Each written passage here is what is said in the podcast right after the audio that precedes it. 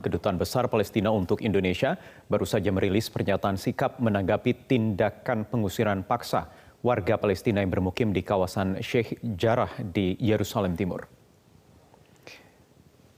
Dalam keterangan tersebut disebut disampaikan bahwa Kedutaan Besar Palestina di Indonesia meminta bantuan kepada pemerintah Indonesia untuk mengaktifkan mekanisme hukum internasional dan hukum humaniter internasional atas pengusiran paksa warga Palestina di kawasan Sheikh Jarrah di Yerusalem Timur. Mereka juga meminta pertanggungjawaban penduduk pendudukan Israel atas pelanggaran terus-menerus terhadap warga sipil dan jemaah Palestina di Masjid Al-Aqsa.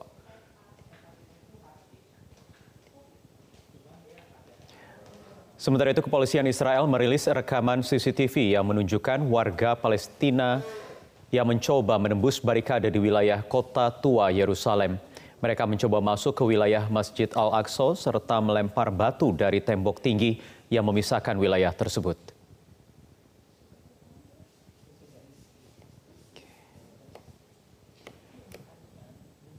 Rekaman kamera pengawas lain yang juga dirilis kepolisian Israel menunjukkan aksi kemarahan warga Palestina di jalan raya. Mereka menyerang sebuah mobil yang dengan sengaja menabrak kerumunan massa. Belum diketahui alasan dibalik aksi tersebut, namun tak lama setelah peristiwa ini, polisi Israel terlihat kembali berjaga di lokasi. Komisi Pemberantasan Korupsi melimpahkan pengusutan kasus dugaan jual beli jabatan yang menjerat Bupati Nganjuk Novi Rahman Hidayat kepada Direktorat Tipikor Baris Krim Polri. Selanjutnya KPK hanya akan memberikan dukungan dan supervisi data. Hal itu disampaikan Komisioner KPK Lili Pintauli Siregar bersama Kabaris Krim Polri Komjen Pol Agus Andrianto di Gedung KPK Jakarta. Terkait pengusutan kasus ini Lili mengatakan KPK telah melakukan empat kali koordinasi dengan di Tipikor Baris Bareskrim Polri. Menurut Lili, KPK bersama Bareskrim sudah memantau dugaan tindak pidana korupsi yang dilakukan Bupati Nganjuk, Novi Rahman Hidayat sejak pertengahan April. Adalah fakta bahwa dugaan penerimaan sejumlah uang itu dikumpulkan atas arahan dari Bupati Nganjuk. Tim gabungan juga menemukan fakta ada beberapa dugaan para camat juga telah menyerahkan sejumlah uang kepada Bupati Nganjuk melalui ajudannya. Dan selanjutnya juga tim gabungan KPK dan Baris Krim Mabes Polri mengamankan Bupati Nganjuk untuk dilakukan pemeriksaan lebih lanjut. Dan untuk efektivitas dan percepatan dalam penyelesaian perkara yang dilanjutkan itu oleh Direktorat Tindak Pidana Korupsi pada Baris Krim Mabes Polri tentu KPK akan melakukan supervisi sesuai dengan kewenangan yang dimiliki oleh KPK. Kabar Reskrim Polri, Komjen Pol Agus Andrianto mengapresiasi koordinasi antara Polri dan KPK dalam proses OTT Bupati Nganjuk dan sejumlah perangkat daerah Kabupaten Nganjuk. Menurut Kabar Reskrim, upaya ini merupakan bentuk sinergi antar lembaga penegak hukum. Melalui tahapan-tahapan koordinasi, komunikasi, kemudian sharing informasi, kemudian pada hari Minggu yang lalu tiga personel KPK dengan 11 anggota dari Baris Krim Polri bersama-sama melaksanakan kegiatan eh, tindak lanjut atas semua informasi yang sudah terkumpul dengan eh, untuk melakukan operasi tangkap tangan terhadap eh, bupati dan perangkat-perangkat yang terlibat di dalam eh, jaringan ini. Pemerintah menyatakan lebih dari 4.000 orang positif COVID-19 di jalur mudik. Hal ini diketahui dari tes acak yang digelar oleh pemerintah di jalur-jalur mudik. Ketua Komite Penanganan COVID-19 dan Pemulihan Ekonomi Nasional, Erlangga Hartarto menyebut pihaknya telah melakukan tes acak terhadap sekitar 6.000 orang di pos penyekatan mudik dan didapati ada 4.123 orang yang terkonfirmasi positif COVID-19 1.686 orang di antaranya langsung menjalani isolasi mandiri, serta 75 orang dirawat di rumah sakit. Tak hanya itu, Erlangga juga menyatakan aparat keamanan telah menindak para pelanggar larangan mudik sekitar 41 ribu kendaraan yang diputar balik, serta 300 lebih kendaraan travel gelap diamankan. Penyekatan yang dilakukan oleh Polri itu di 381 lokasi dan operasi ketupat kemarin jumlah pemudik yang di random testing dari 6.742, konfirmasi positifnya 4.123 orang. Dan dilakukan isolasi mandiri 1.686 orang dan dirawat 75 orang.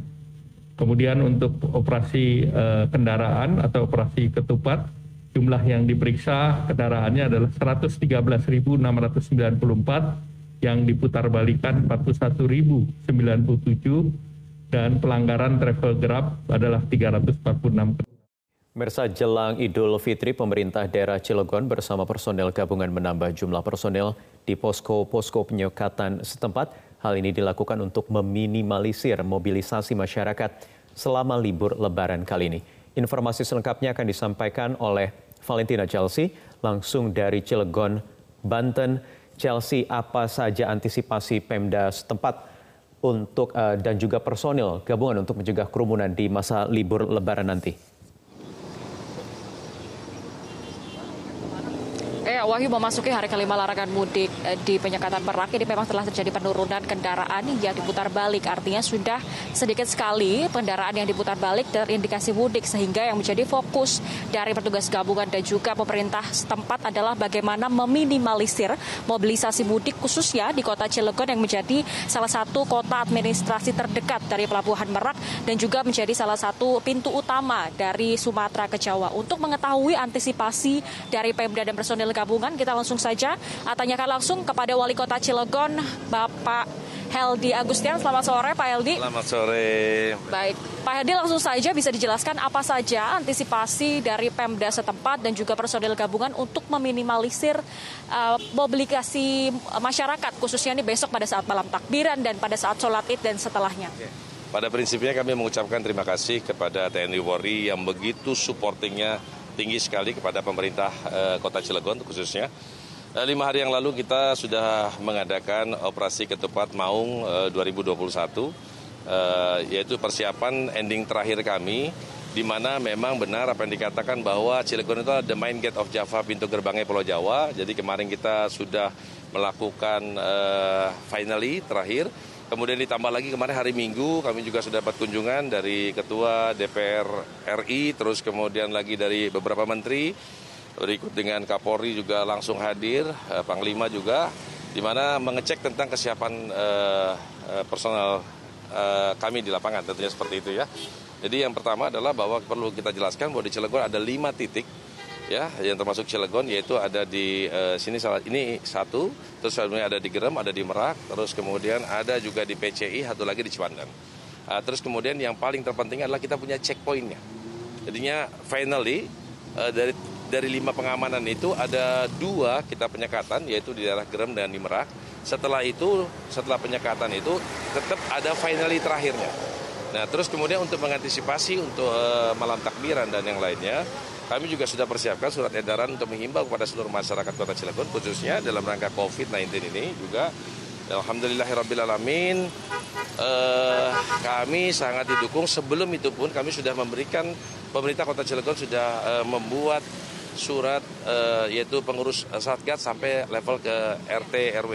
Pak Heldi penindak apabila nanti masih ditemukan ada kerumunan atau warga yang ngeyel takbiran itu penindakan apa saja yang dilakukan dan koordinasi dengan Satgas seperti apa? Oke, uh, dari report laporan yang memang uh, setiap hari diberikan oleh tim Satgas karena saya adalah selaku ketua Satgas uh, di Cilegon yaitu pendekatan yang kita lakukan adalah pendekatan-pendekatan persuasif ya, yaitu dari ada yang meminta nyanyi, nyanyi, terus kemudian juga ada yang baca doa, ada yang baca Al-Quran gitu ya, artinya terus kemudian ada juga yang minta pusap dan juga pusap, pendekatan Baik. persuasif. Ya. Baik, terima kasih Pak Heldi, semoga besok uh, persiapannya menuju lebaran lancar dan masyarakat diharapkan tetap menaati protokol kesehatan seperti itu ya Pak. Dan dapat kami sampaikan juga Wahyu, tadi dikatakan akan ada penebalan di posko-posko penyekatan sehingga beragam upaya ini telah dilakukan oleh pemerintah daerah dan uh, personil gabungan diharapkan masyarakat ini memiliki kesadaran sendiri untuk tetap menaati persola, uh, protokol kesehatan selama libur lebaran kali ini. Penyidik Polda Aceh menangkap WHD, warga desa Lampaya, Kecamatan Loknga, Aceh Besar, Pemilik konten video yang mengandung unsur provokatif ini mengajak masyarakat menerobos pos penyekatan. Penangkapan dilakukan berdasarkan hasil patroli cyber terhadap pemilik konten video pada akun media sosial Instagram Cetul22. Setelah diperiksa, pelaku ditetapkan sebagai tersangka dan ditahan di Mapolda Aceh untuk menjalani proses hukum selanjutnya. Saudara WH ini eh, terjadi penghasutan itu dimulai dari eh, patroli cyber eh, dari anggota kepolisian sehingga menemukan eh, konten video yang eh, berbentuk provokasi